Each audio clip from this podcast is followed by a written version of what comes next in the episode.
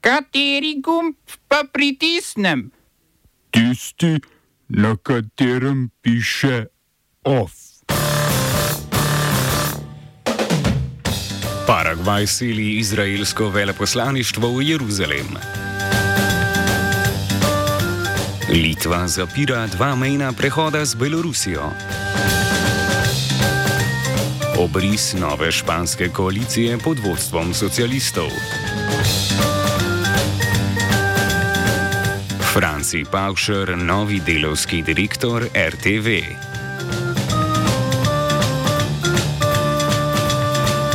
Litovska vlada je najavila zaprtje dveh manjših mejnih prehodov z Belorusijo, ki bo začelo veljati jutri.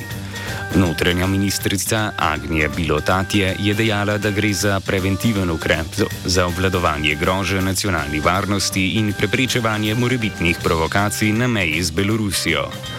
V beloruski obmejni straži pa trdijo, da je ukrep sprejet na podlagi namišljenih groženj in služi predvsem političnim ambicijam litovske vlade.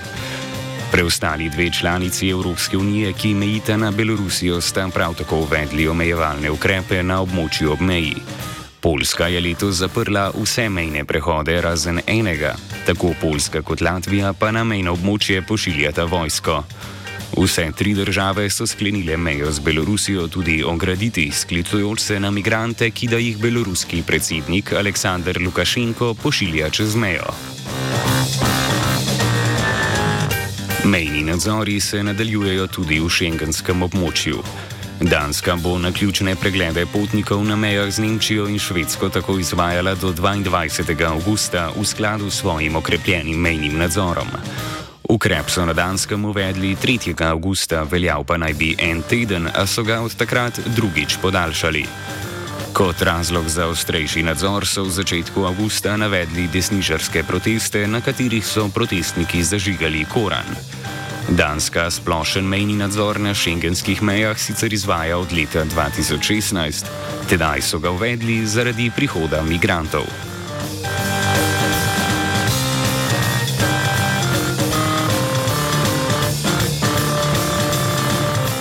Poslanci španskega parlamenta so na konstitutivni seji za predsednico parlamenta izvolili Francino Armengol, kandidatko socialistične stranke.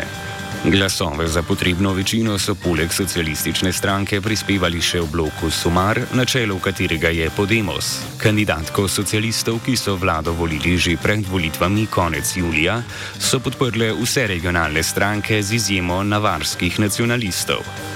Socialiste so tako podprle obe katalonski stranki ter obe baskovski in galicijska stranka. Socialisti so za predsednico pridobili večino 178 glasov v 350-članskem parlamentu. Dogovor z večino regionalnih strank kaže, da se bo Pedro Sanchez znova uspel zavihteti na premjerski stolček. V zameno za podporo je Sanchez odločilnima katalonskima strankama dal štiri obljube. Po prvi obljubi naj bi se v kongresu in senatu uredila uporaba katalonščine v vseh dokumentih, ki jih organa pripravita. Prav tako naj bi ustanovili posebno komisijo, ki bi preiskovala zaenkrat domnevno prisluškovanje španskih obveščevalcev baskovskim in katalonskim politikom. Za vohunjenje so uporabljali izraelsko programsko opremo Pegasus. Druga preiskovalna komisija naj bi se ukvarjala s povezavo med špansko obveščevalno službo in storilci v terorističnih napadih v Barceloni leta 2017. Zadnja obljuba pa po interpretaciji katalonske republikanske stranke tlakuje pot do pomilostitve obtoženih katalonskih separatistov, ki so jih španska sodišča kaznovala za izvedbo referenduma o odcepitvi Katalonije.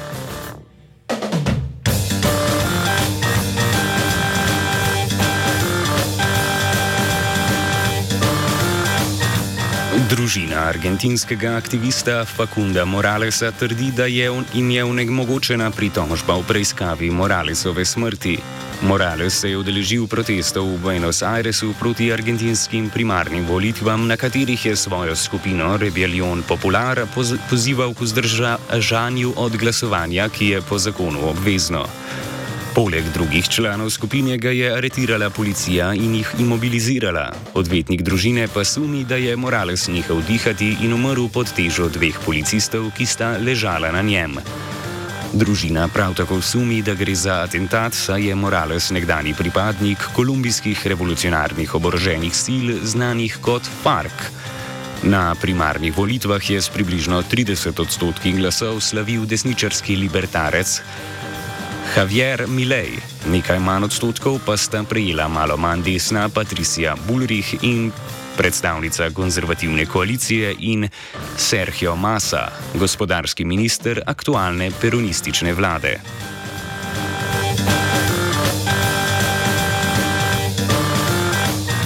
Izraelski zunani minister Eli Cohn je po srečanju z novo izvoljenim paragvajskim predsednikom Santiagom Penjo najavil, da bo Paragvaj svoje veleposlaništvo preselil iz Tel Aviva v Jeruzalem. To vrstno potezo so do sedaj uvedle štiri države, poleg Združenih držav Amerike še Kosovo, Honduras in Gvatemala. V zameno bo Izrael ponovno odprl svoje veleposlaništvo v paragvajski prestolnici Asuncion. V Paragvaju so veleposlaništvo preselili v Jeruzalem že leta 2018, vendar je na to predsednik Mario Abdo Benitez potezo preklical V odgovor pa je Izrael takrat zaprl svoje veleposlaništvo v Asuncionu.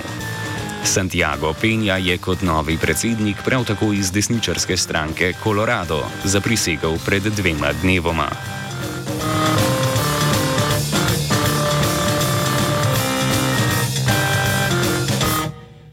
Združene države Amerike so odobrile prodajo izraelskega protiraketnega sistema Arrow 3 Nemčiji. Sistem sta skupaj razvili Izraelska organizacija za protiraketno zaščito in Ameriška agencija za protiraketno zaščito. Dobava naj bi se začela leta 2025, sistem pa naj bi nemška vojska začela uporabljati do leta 2030. Nemška vlada je sicer včeraj iz osnutka proračuna črtala člen, po katerem naj bi za obrambne izdatke letno namenjala 2 odstotka bruto domačega proizvoda. V veljavi tako ostaja načrt, po katerem naj bi ta delež dosegla v povprečju petih let.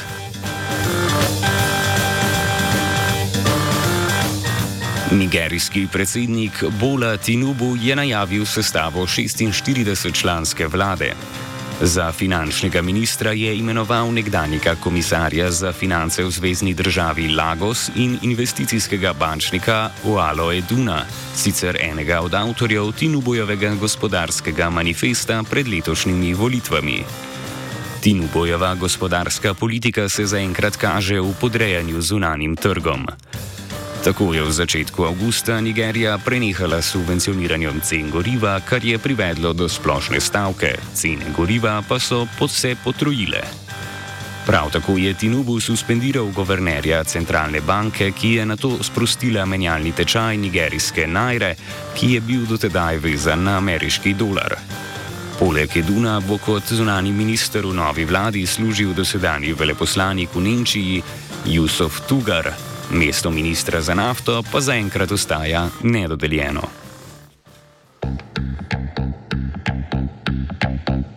Smo se osamosvojili, nismo se pa osvobodili. Naslednje število je še 500 projektov. Izpiljene modele, kako so se strani nekdanje LDS rotirali. Ko to dvoje zmešamo v pravilno zmes, dobimo zgodbo o uspehu. Takemu političnemu razvoju se reče udar. Jaz to vem, da je nezakonito, ampak kaj nam pa ostane? Brutalni obračun s politično korupcijo. To je Slovenija,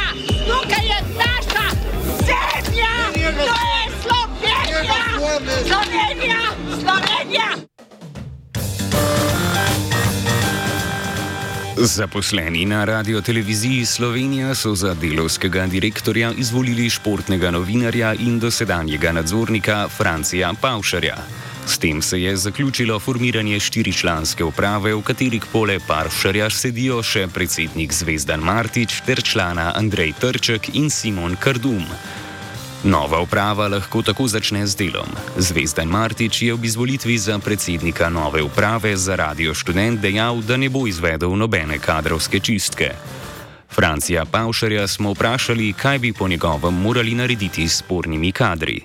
Pri spornih kadrih je pravzaprav najprej potrebno ugotoviti, kaj je sporno. Ali je bila uh, zaposlitev zakonita in če ni bila, potem so rešitve enostavne. Drugi, druge stvari pa so, če je bila zakonita, pa je morda pač bila stvar presoje, ali se odločiš za nekoga in uh, je pač to subjektivna stvar, ki je seveda težko preverjati in težko potem tudi uh, izpodbijati.